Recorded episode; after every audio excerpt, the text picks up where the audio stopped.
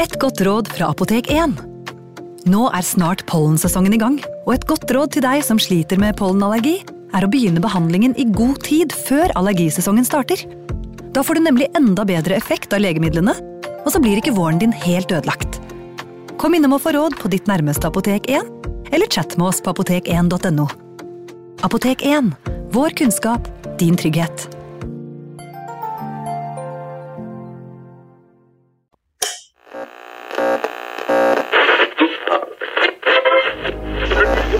Vi skal gjenta særmeldingen i dag. Nummer én Kjerringa er galen. Nummer to På ski over lyng og kvast. Nummer tre Baklengs inn i aftensangen. Baklengs inn i aftensangen. Vi er i Oslo igjen, eh, Eirik Veum, eh, og i en leilighet på vestkanten i Oslo. Ja. Det er den eh, i mars 1943, onsdag, 31. mars. Og eh, hovedpersonen, en av dem i hvert fall, er, og lederen for de vi skal møte nå, heter Asbjørn Sunde, og han har vi møtt før. Ja, han er jo lederen for den kommunistiske Osvald-gruppa, og han, han er i denne leiligheten denne kvelden, og der har han med seg to fra sin egen da, motstandsgruppe. Det er en som heter Reidar Holtmann, og så er det Johan Petter Brun. De er jo to jevngamle i, ja, i slutten av 20-åra. Så de tre sitter nå her og er klare for å, for å utføre et oppdrag. Ja, I tillegg er det en kar fra Milorg som er med en slags, en slags kontaktperson, eh, som heter eh, Kai Christian Middleton Holst, som eh, ikke skal være med på aksjonen, men han er med som en slags eh, ja, en sånn kontakt da, til eh, resten av måte, motstandsbevegelsen. Ja, han er bindeleddet her, og det er jo også han som har i og for seg formidlet oppdraget da, som disse tre nå skal, skal dra og, og utføre. Asbjørn Sunde, som vi har vært inne på før, en meget eh, handlekraftig person, som slenger noen våpen på, eller legger iallfall noen våpen på bordet. Ehm, ting de skal ta med seg der på oppdraget, og det er tre pistoler, tre batonger og tre stiletter. Og hva er en stilett? Altså, en stilett, eh, det er en, eh, kall det en slags bajonett, altså en, en, eh, en slags kniv, men, men veldig avlangt og tynt knivblad. Den kan jo kanskje minne om en sånn slags sånn stor brevåpner, Ja. men den har jo ikke noe, noen sånn knivsegg, så den er jo ikke noe egnet til å skjære eller kutte noe med eller noe sånt noe. Så um, den kan i og for seg eh, lage hull i store kjøttstykker, eller, eller kutte opp, eh, eller, kapp, eller løsne is fra Ja. store isblokker hvis man skal ha den på et kjøkken.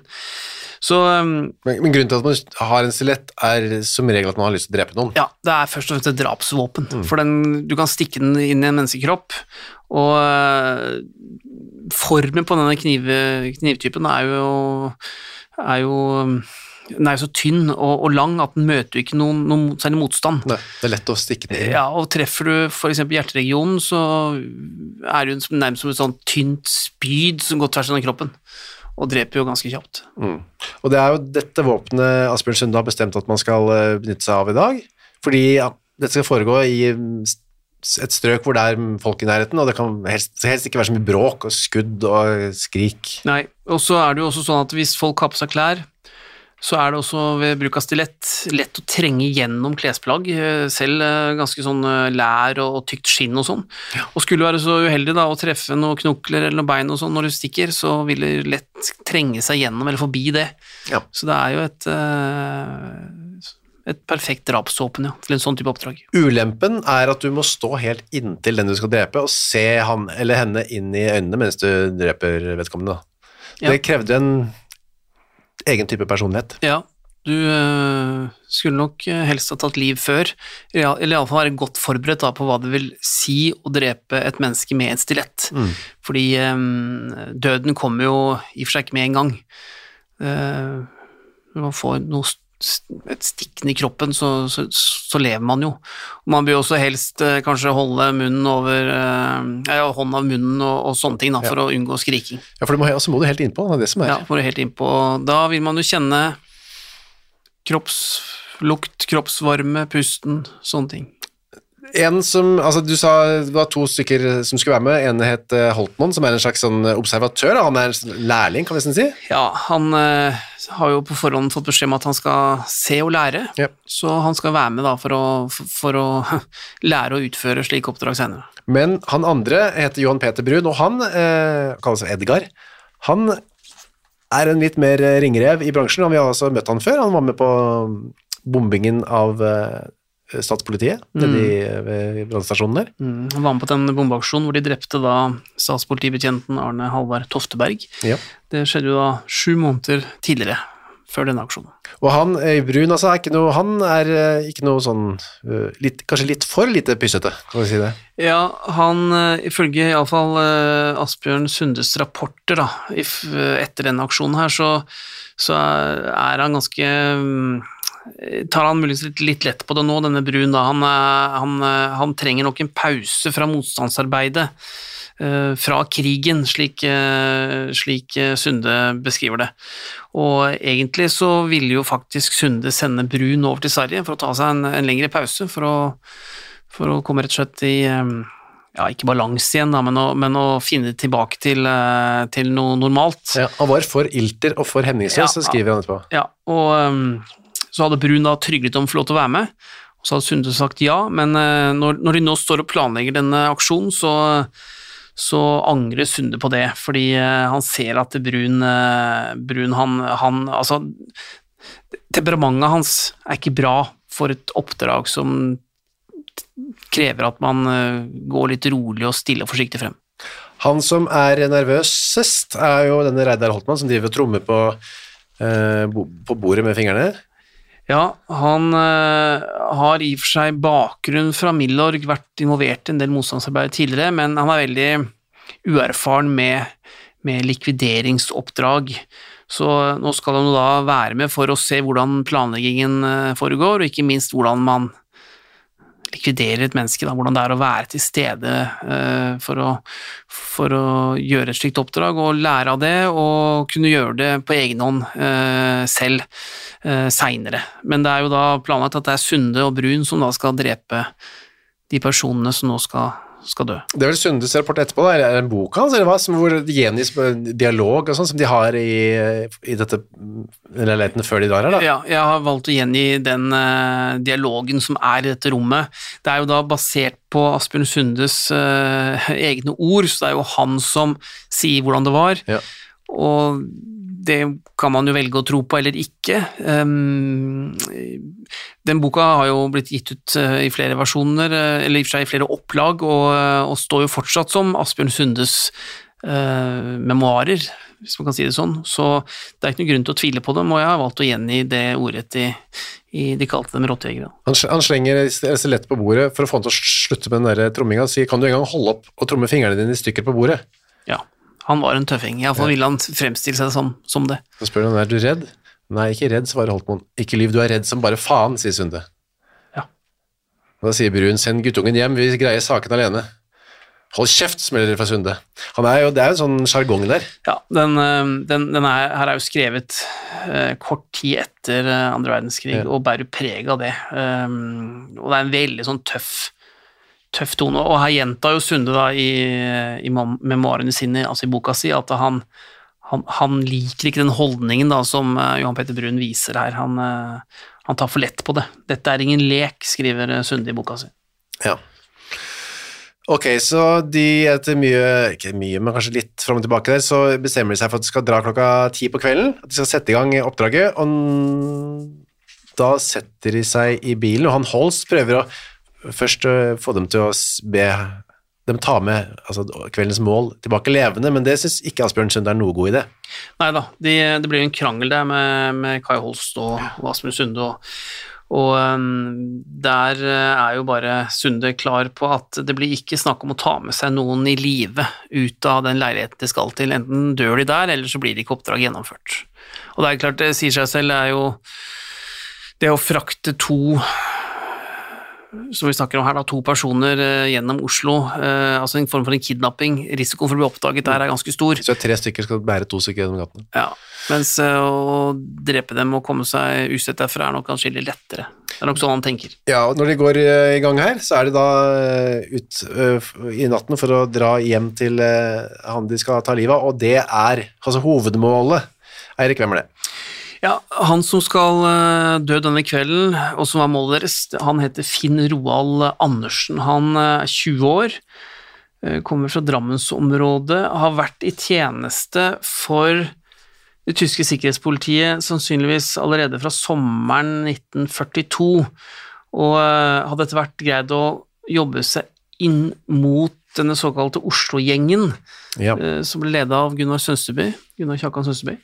Og eh, når de følte han begynte å komme for nærme, så, eh, så ble det jo etter hvert bestemt at han skulle likvideres. Og på dette tidspunktet så var det jo en jakt på, på eh, Gunnar Sønsteby. Altså Ja. Man var i hvert fall klar over ham. Og um, flere hadde, altså Innenfor det tyske sikkerhetspolitiet så hadde man begynt å, å sirkle seg litt rundt han, og så ble det da bestemt at uh, Finn Roald Andersen skulle være den som, som skulle forsøke å, å infiltrere motstandsgruppen til Sønsteby, altså komme seg helt inn for å da avsløre ham og få han arrestert. Mm, Og det var ikke et så godt valg av tyskerne å be Finn Roald Andersen om det, i hvert fall ikke uten å gi han noe særlig opplæring. Nei, han var i og for seg ingen eh, erfaren infiltratør. Han, eh, han, eh, han rotet det litt til og begynte å ringe til motstandsfolk fra sin egen eh, privat eh, telefon, og der eh, Eller fra leiligheten han da disponerte, da. Den leiligheten var det jo i og for det tyske sikkerhetspolitiet som hadde kontroll på, eller, eller, eller disponerte, sånn at eh, det ble da lett å, å spore tilbake at det faktisk var da en infiltratør som eh, forsøkte å komme i kontakt da med eh, Gunnar Sønstebø via hans kontakter igjen, så det ble jo da eh, lett å avsløre at dette var en angiver, og eh, da ble det bestemt at han skulle tas livet av. Det var et møte først, og det er sånn mange husker kanskje fra denne bjørnestatuen på Majorstad, hvor eh, denne Åge, da, som eh, Finn Roald Andersen kalte seg for, i hvert fall, og han kalte seg for Monsen da han møtte de, eh, møtte både, eh, både Gunnar Sønsteby og en annen, og de skjønte uh, at dette var ikke en ekte motstandsmann, dette var en angiver, og det var noe med blikket, og han hadde flakkende blikk, mente de, og Ja, og måten han eh, fremsto på. Ja. Og etter dette møtet da, på Majorstua, så ble det da bestemt at Monsen, som han kalte seg, eller da Finn Roald Andersen, skulle tas livet av da. For da hadde han skjønt at han personen de møtte, var en av de altså, han møtte, var Gunnar Sønsteby, så nå visste han hvordan Gunnar Sønsteby så ut, og det var et problem. Det var et problem, for da kunne i og for seg Sønsteby bli gjenkjent senere. Så det var nok en, mye av grunnen til at man valgte da å, å forsøke eh, Eller likvidere eh, Andersen, men eh, å få han ut av Oslo og eh, over til Sverige som en fange, det ble nok vurdert som for risikabelt. Så det var da Gunnar Sønsteby som ga beskjed om at han uh, måtte tas? Ja. Ok, så da, for da bor altså mm, eh, Andersen i en leilighet, den samme leiligheten, Løvenskiolds gate 17, eh, som han hadde ringt fra da han prøvde å komme seg inn i liksom, motstandsmiljøet, som disponeres egentlig av den tyske sikkerhetstjenesten, eller politiet. Mm. Men han bor ikke alene. Nei, iallfall så er det en annen også i leiligheten denne kvelden, det er en kamerat av uh, Finn Roald Andersen som heter Charles Bjarne Albert Andersson. Og han er i og for seg eh, født i USA, men har norsk, har norsk mor, men eh, kom jo til Drammen ganske tidlig, altså på 20-tallet en gang, og er jo, er jo da vokst opp der. Og, eh, og han hadde i og for seg vært ute i, i tjeneste som frontkjemper i Den norske legion, Ja. vært medlem av eh, Nasjonal Samling. Han kom ikke så langt riktignok da, som soldat. Nei, han, øh, han øh, greide opptaksprøvene og gjennomførte i og for seg mye av den militære utdannelsen, men han ble trolig syk under et treningsopphold like ved grensen mot Luxembourg, altså i en tysk by som heter Trier, og øh, ble syk da og dimitterte og sendt, øh, sendt hjem til Norge etter hvert. Så han dimitterte jo fra fra tjeneste da i Den norske legion i um, oktober 1942. Kommer da til Oslo, og så kommer han i kontakt da med Finn Roald Andersen, og de to flytter etter hvert sammen i da Løvenskiolds gate eh, 17 på Frogner. Eller om eh, Andersson ofte er å besøke kameraten sin, Ja. altså Andersen. Litt forvirring med navnene her, men eh, de heter da nesten det samme, men er da ikke i slekt. Andersson er eh, vennen, Andersen er Nett- hovedmålet for kvelden. Nettopp. Og, og om, om han bor der fast, eller om han er uh, jevnlig på besøk, det er litt uklart, men poenget er de er iallfall sammen der denne kvelden. Ja, så når Asbjørn Sunde stopper bilen utenfor Løvenskiolds gate 17 kvelden, denne kvelden, er klokka 11, og da ser de opp eh, mot vinduene. Der er det lys der hvor noen av blendingsgardinene ikke er trukket ordentlig for. Ja. Så det er folk hjemme i bygget, Mm. eh, men det er dårlig vær, så det er ikke så mange ute på gata. Nei, det er vel i og for seg noe regnvær, iallfall står det det beskrevet da i rapportene fra som, eh, som ble skrevet etterpå, og det, det blåser eh, ganske kaldt, så, og det er jo seint, så mm, de blir ikke observert idet de går inn da i, eh, i denne, denne bygården. De går opp, en Sunde har fått tak i en nøkkel, Ja, de går bort til hovedinngangen, og så låser de seg inn da med den nøkkelen som, som Sunde har. så står det at oppgangen er opplyst av blå lykter. Ja. Var det vanlig? Det, det kan det ha vært, må i så fall ha vært for å, for å øh, gjøre at man ikke skulle Altså at det var lettere Eller vanskelig å se lyset utenfra. Ja. Det, jeg ser også at det står øh, i rapporten 'blå lykter'. Jeg fant aldri noen god forklaring der på hva det var. Nei, ok, så det var kanskje bare der da. Det er uansett en spesiell stemning, kan man tenke oss, når de går eh, oppover eh, disse tre da, eh, oppover trappene, og stopper utenfor en av leilighetene i tredje etasje, hvor de da vet at der bor Finn Roald Andersen. Og de øh, sitter da der, eller de, de står da utenfor døren, og så hører de da disse, eller to stemmer da, inne fra, fra leiligheten, og så kan de høre, iallfall ifølge Asbjørn Sundes rapport, så kan de høre at det, det spilles musikk. Ja. Enten er det fra en radio eller en grammofonspiller, men det er en, som det står beskrevet, en dyp og vakker kvinnerøst som sang en, øh, Tysk sang, ja. en tysk sang. Ja, vi kommer tilbake til den musikken etterpå. Eh, Asbjørn Sund ringer på, og da blir det stille inn fra leiligheten. De hører da at disse to personene der inne de slutter å, å snakke sammen, og så kan de høre at det, det er en eller annen som går da ut i gangen, eh, ut da mot, eh, mot utgangsdøra, og så kan de høre at han som da, eller personen da på innsiden, han stopper opp ved døra, og åpenbart lytter eller, eller, eller eh, undersøker litt, i den grad han får gjort det, eh, før døra åpnes veldig sånn forsiktig på gløtt. Da. Og da ser de da en, eh, ansiktet til en, til en, en ung mann som, som da stikker hodet litt sånn forsiktig frem, og så sier han 'Hvem er det?' Og da presser Asbjørn Sunde kroppen sin inn mot døra, og pistolen som han har, inn mot magen da, til den eh, unge mannen. Mm.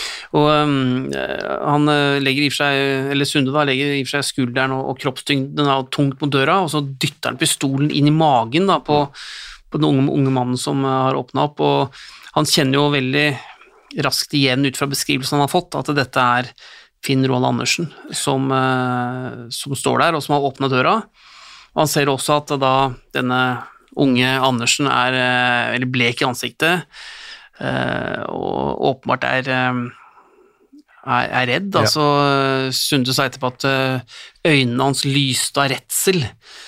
Og så eh, Kommer de seg inn? kommer de seg inn, og de skyver jo da Andersen innover i entreen, og så og så smetter da også de to andre inn, da, Holtmoen og Brun, og, eh, og de to fortsetter inn i leiligheten, mens Sunde da blir stående da med, med Finn Roald Andersen. Og da lurer Finn Roald Andersen, eller tror kanskje at de er tyske, for å begynne å snakke til dem på tysk. Ja, han eh, skjønner ikke helt hva som skjer, så han, eh, han, eh, han tror kanskje da det er tyskere som har kommet, og tenker kanskje at det kan være kontakter han har i det tyske sikkerhetspolitiet, eksempel.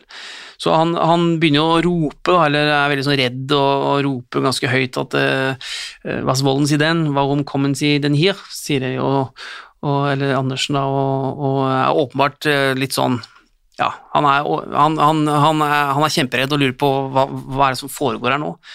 Og da, ifølge Sunde, da, så, så svarer, jo, svarer jo han Sunde altså at eh, hold kjeft, eller snakk, snakk ditt morsmål, altså snakk norsk. Så, eh, og da holder han jo pistolen med venstre hånda fram mot, mot Andersen, og så, og så har han da denne batongen da, i den høyre hånda, eller han tar frem den og holder den i den høyre hånda. Og- så griper Andersen etter noe i Ja, eh, hva han fikler etter, står det lite om, men eh, Sunde tar tak i, eller løfter batongen, og så slår han eh, han Andersen eh, i, i hodet. Så han, eh, han faller om og, og går ned på gulvet, og blir jo, blir liggende der eh, mens Sunde står over ham. Og Brun har kommet seg bort til den andre eh, unge mannen der, Charles Bjarne Albert. Ja, og øh, han står da sammen med Andersson der borte og, og peker på han da med, med, med pistolen, og så skyver de da han, øh, han Charles Albert eh, eh, ned i en lenestol og, og peker da pistolen eh, mot ham. Så Brun står da og, og holder Andersson, som er, sitter i denne lenestolen, eh, og holder han da i sjakk med en pistol. Mens, eh, mens Andersen ligger da på, på gulvet, og Sunde står da over ham. Og så begynner Andersen å reise seg opp, da, fordi han eh, det er ikke så lett, fordi han har fått et hardt slag. Så, Ja. eh, men han kommer seg ikke opp, da. Nei, han, han, han sliter med å komme seg på beina, men øh, han har jo da øh, kommet til bevissthet ganske kjapt og, og kommer seg i og for seg opp. Um, han virker litt sånn forvirra, ifølge Sunde. Han rister litt sånn på hodet, og, og så, så går han ned på knærne, og så siger sammen og går ned på knærne, og så begynner han å, å ja, be om nåde, da. Han Ikke rør meg, ikke rør meg. ja, ikke rør meg, ikke rør meg. Jeg, jeg sverger ved Gud i himmelen, jeg sverger at det ikke er sant. Og ifølge Sunde så er da Finn Råd Andersen ganske tynn og spinkel, men, men kroppen hans dirrer i dødsangst, er det som, er det som står, og, og han eh, er jo åpenbart eh, redd for livet sitt, og han begynner å krabbe, da eh, bort mot Sunde, eller, eller, går liksom, legger seg ned foran benet hans, altså noe sånt, og så sier han at jeg har ventet dere, jeg visste at dere ville komme. Hver kveld så ventet jeg dere, men de har tvunget meg til det. Jeg sverger at de har tvunget meg til det. Dere vet ikke hvordan de er. Tyskerne er svin, svin, svin. Nazistene også, nazistene er enda verre. Så her så forstår Finn Roald Andersen at de tre som har kommet, tilhører motstandsbevegelsen, og at han er, at han er i livsfare. Jeg sier det er løgn at jeg har angitt noen, jeg sverger det er den svarteste løgn, jeg har aldri angitt noen, jeg kan forklare alt sammen. Jeg er så ung, jeg skal reise hjem, jeg sverger at jeg ikke har angitt noen.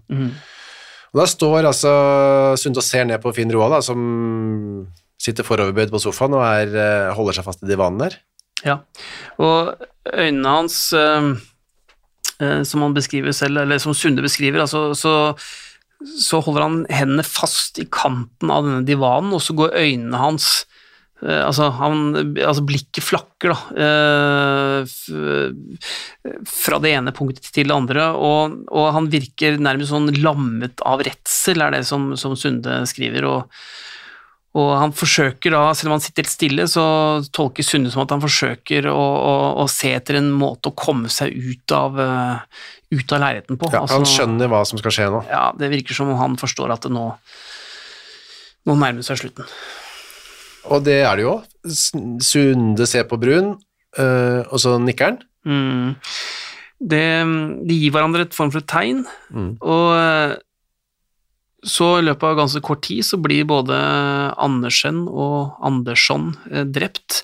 Litt sånn ulikt beskrevet i de ulike kildene her, men Asbjørn Sunde, da, han, han har jo selv beskrevet da, de siste sekundene da, i, i Finn Roald Andersens liv, og, og skriver at eh, øynene vrengte seg i hodet på ham, så pupillene nesten ble borte, fråden sto skummende om munnen hans, de magre, gule fingrene grafset i lufta som om han søkte noe å gripe tak i, ordstrømmen gikk eh, over i et svakt, jamrende hyl. Og jeg har jo sett bildene fra det, det åstedet, den leiligheten, og Ja. eh, da ser man at Finn Roald Andersen, han ligger jo på ryggen på denne divanen, eller sofaen, og bena er nede på gulvet, så han har da blitt, blitt eh, lempa opp der hvis han var på gulvet, eller så har han falt bakover, og Ja. ser at det er mye blod.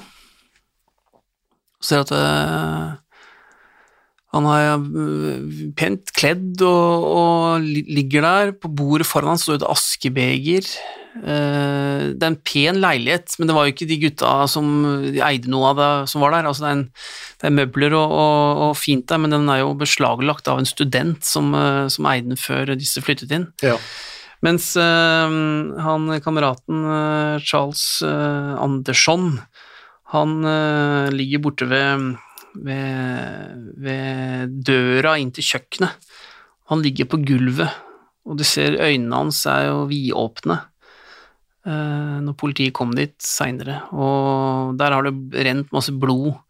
Han har sannsynligvis stukket i halsen. For det er en sånn foss av blod som bare har rent på gulvet og samlet seg i en sånn dam. Så Så- begge to er, er begge to drept med disse stilettene? Det, det, det så, ser sånn ut. Ser sånn ut, ja. Altså ut fra de skadene på kroppen, og at ingen av naboene meldte fra om, fra om noen lyder eller noe skudd eller noe sånt, så, så er de tydeligvis da stukket, eh, stukket i hjel. Og det er en del sånn åstedsrapporter som ikke tyder på tegn av skudd fra den kvelden. Ja, med skudd fra andre anledninger. Ja, så det har vært skutt i den leiligheten før, men eh, det kan være at de har eh, skutt på blink, eller altså det har vært noe, noe sånn våpenleik, rett og slett, som gjør at de har fått eh, skuddmerker i, i veggene. Men ingen av de, ifølge rapportene, har skuddskader av de to, to døde, da. Så, men tilbake til den musikken. Ja. For Asbjørn Sunde sier etterpå denne dype, vakre kvinneresten som synger på tysk Liebster kom du noch zimir, when de roten rosen blüchen, når de kommer du til meg, når de røde roser blomstrer. Den sangen har vi begge lett etter, men uten å finne den. Nei, jeg skjønner ikke Altså, jeg finner ikke igjen den, eh, den strofen noe sted, og den finnes sikkert, eller så er det Sunde som kan, eh, kan huske feil, men han beskriver i alle fall eh, den sangen da som en, eh, en sentimental tysk sleger. Ja, ja. Men jeg har funnet en som heter Wenn die roten rosen wieder Blumen ja. eh, blüchen. Den er fra 1939, så det kan jo godt være den. Ja, jeg fant også den. Det er jo ikke en uh, dame som synger, da, men det er en mann som synger ganske lyst. Vi kan Ja. bare, dette kan da være Ja, Dette kan da være den siste de hørte. Siste de hørte, for den gikk da på radioen eller på en, uh, en plate, da. Wenn die roten Rosen hab ich so Heimweh, so Heimweh nach dir. Muss ich auch in weite Fernen ziehen, in meinen Gedanken, da bist du bei mir. Träum ich von dir allein, Ja, det var kanskje den sangen de hørte i det livet deres åndet ut. Um, oppdraget var utført, og de gikk ut igjen, alle disse tre. Ja, de går ut på gata, og um, der blir du, blir du stående litt, da. Um, for, uh, for han ene som var med, han uh, Reidar Holtmoen, altså lærlingen. ja, lærlingen. og så uh, var det åpenbart vært en ganske, ganske hard påkjenning. Han, han uh, er tydeligvis uvel, ifølge Asbjørn Sundes rapport iallfall. Mm. Han har store glassaktige øyne, står det, står det i, uh, i rapporten, og, og går bort til et tre og, og kaster opp i, i hulkende hikst, som uh, Sunde beskriver det som. Og det eneste andre lyden er det tørre vinterlauvet som raslet i marsvinden. Ja, det var eh, dramatisk eh, fortalt også etter, etterpå. Og likene blir funnet da to uker senere. Ja, det tar to uker altså før, eh, før de finner dem, og da, da er det jo det, både det tyske poli sikkerhetspolitiet og, og uh, Oslo kriminalpoliti som da, da eh, blir involvert i, i, i etterforskningen her. Disse vet jo da veldig godt etter hvert fall, at dette er en eh, informant og en angiver, og derfor har de ikke så lyst til å du skriver i boka di at de, de vil helst ikke skape uro liksom, blant andre angivere, så derfor skrives det ikke så mye om det, dette, disse drapene. Nei, det, jeg gikk jo gjennom eh, samtlige aviser det var mulig å gå gjennom fra ukene eh, og månedene etterpå her, og det står kun at de er registrert som døde, da. Ja. Altså, du hadde sånne oversikter i sånn annonseform hvor det sto et eller annet navn, og så født da og død, eller registrert død da på en annen dato. Og, og um, der står de, men uh, ellers så var det ingenting, med, ingenting om disse eh, eller de, de, de likvidasjonene, eller, eller drapene da, som de ble i og for seg omtalt som. Nei. Og um, vi får regne med at politiet etterforsket da, som bare det, men eh, de fant jo ikke, de klarte ikke å ta de tre som var med, men de ble jo tatt på annet vis, da, to av dem i hvert fall. Mm. De eh, ble tatt, eh, både Reidar Holtmoen og Johan Peder Brun eh, blir jo eh, tatt seinere. Johan Petter Brun ble vel arrestert etter denne i forlengelsen, etter den Ja. forrige saken vi, eller om denne bombingen av statspolitiet. Ja, han ble jo tatt da i påsken 1943 og dømt til døden og henrettet da i Trandumskogen 2. mars 1944. Mens Reidar Holtmoen han eh, ble i og for seg skutt og drept bare noen uker etter den aksjonen her som vi nå har, har hørt om. Og eh, Det var den 25. april 1943, og det skjedde i og for seg i Oslo, da, under en trefning eh, med tjenestepersonell fra det tyske sikkerhetspolitiet. Mens Asbjørn Sunde, han eh, overlevde, og vel så det. Ja, han døde vel eh, først i 1985. Og han slapp alt, han var ikke noe sånn, han fikk ikke noe problem med dette her. Ja, det var mye å si om Asbjørn Sunde og hans liv etterpå, og han hadde nok øh, eh, Ut fra memoarene hans eh, og det han skrev, så mm, gjorde nok mye, av- mye av det som foregikk under krigen, inntrykk. Ja. Han, han fortalte bl.a. eh, ved denne aksjonen her at han måtte, måtte si fra til de han var sammen med, altså Holtmoen og Brun, at uh, dette er vår måte å drive krig på. Det er helt for jævlig, men vi må gjøre det. Så han, han fremsto etterpå som en som så at dette var nødvendig, men brutalt og kanskje også grusomt. Ja, det er det ikke noe tvil om at det var. Ja, i alle fall, og for de som skulle utføre det, så hevdet de nok at dette var riktig, men det er klart det å, å stikke i hjel En ung mann som ber for livet sitt. Ja, det er klart at det, det skal du leve med etterpå. Du, vi kommer tilbake med flere forferdelige historier, vi. Det gjør vi. Takk for denne gangen. Selv takk.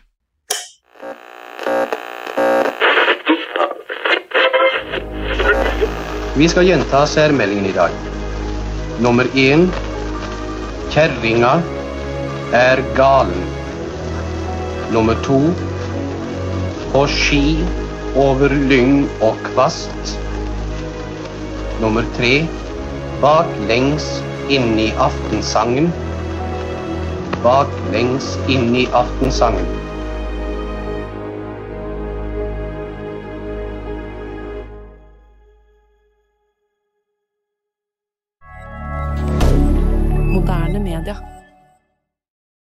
Har du et enkeltpersonforetak eller en liten bedrift? Da er du sikkert lei av å høre meg snakke om hvor enkelt det er med kvitteringer og bilag i fiken, så vi eh, gir oss her, vi. Fordi vi liker enkelt.